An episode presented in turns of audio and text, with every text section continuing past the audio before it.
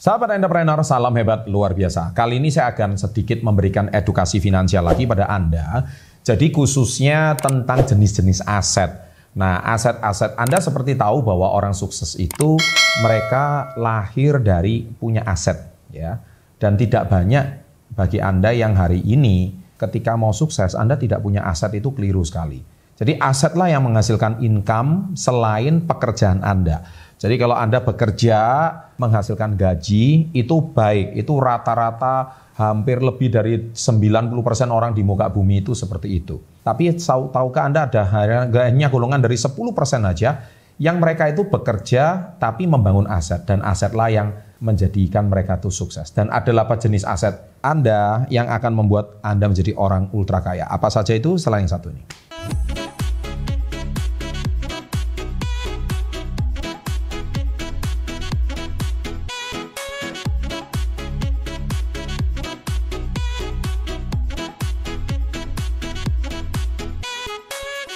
Oke, okay, saya uh, sebelum nonton video ini lebih jauh, saya sarankan Anda tolong tonton video ini, uh, yaitu bagaimana Anda harus memahami lima cara kerja uang supaya Anda itu bisa kaya raya.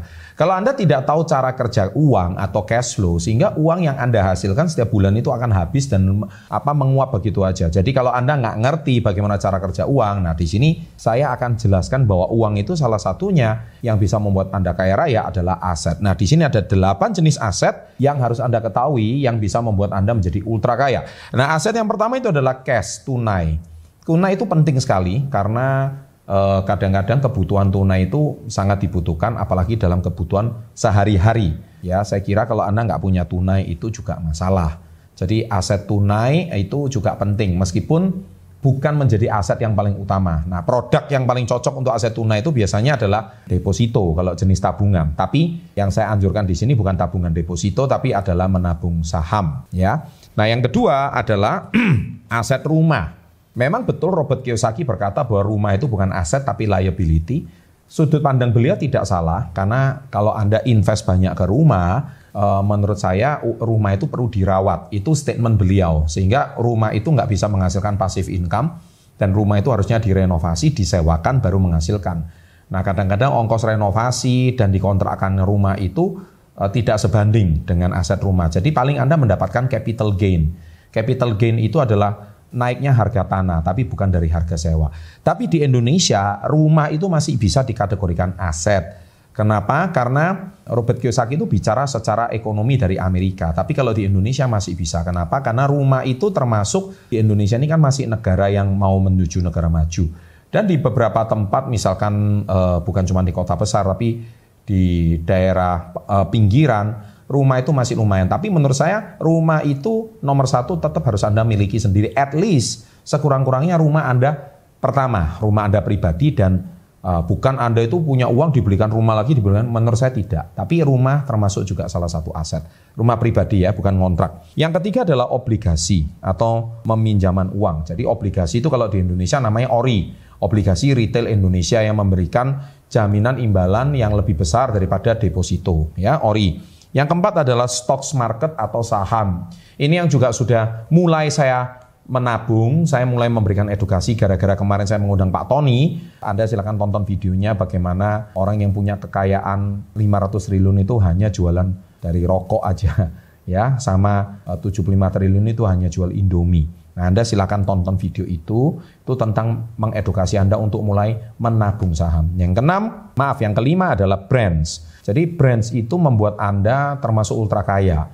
Kenapa? Karena brands itu seperti magnet. Jadi ketika Anda itu uh, Anda dikenal sebagai apa? Jadi kalau misalkan Anda itu dikenal sebagai uh, kalau orang di kota Anda, eh carilah agent properti yang paling terkenal. Kalau orang di seluruh kota itu mengenal Anda, berarti Anda dianggap sebagai orang yang uh, memiliki brand. Brand Anda itu agent properti. Uh, misalkan kalau orang ingat mie kalau di Indonesia, Nah, mie itu saya ingatnya Indomie gitu. Nah, itu berarti sudah punya brand. Jadi kalau ngebayang Indomie aja Anda sudah langsung kepikir nggak mau makan mie yang lain. Nah, itu namanya brand. Jadi oleh sebab itu brand itu sangat penting karena brand itu akan membuat Anda menerima passive income. Ya, itu penting sekali. Yang keenam, komoditi ya. Jadi itu penting sekali juga kalau Anda punya satu komoditi atau di perdagangan Anda punya sebuah produk, produk tersebut bisa diperjualbelikan, itu juga membuat aset Anda yang ultra kaya. Jadi dalam hal ini mungkin eh, orang-orang yang punya barang, punya punya produk itu bisa diperdagangkan di sektor komoditi juga. Yang ketujuh, royalti. Nah, royalti itu misalkan Anda membuat musik, label atau Anda punya film, Nah itu juga bisa dapat royalti meskipun ya tidak banyak ya. Karena zaman sekarang kan ada bajakan ya. Atau juga penjualan e, kaos atau merchandise yang terkenal itu juga dapat royalti. Itu salah satu salah satu aset orang ultra kaya.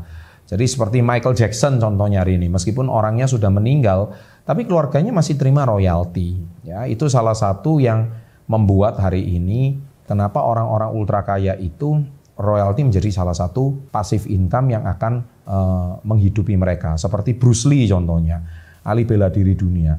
Nah is, uh, istri dari Bruce Lee uh, dan putrinya beliau itu juga menerima royalti ya dari film Bruce Lee, Bruce Lee yang selalu di, diberitakan ataupun semua orang terinspirasi dari beliau itu namanya royalti. Dan yang kedelapan adalah konten. Nah jadi konten ini juga sangat penting di sosial media, baik itu konten Anda di YouTube, Instagram, atau platform sosial media mana pun, konten yang Anda buat, itu juga akan membuat Anda dicari.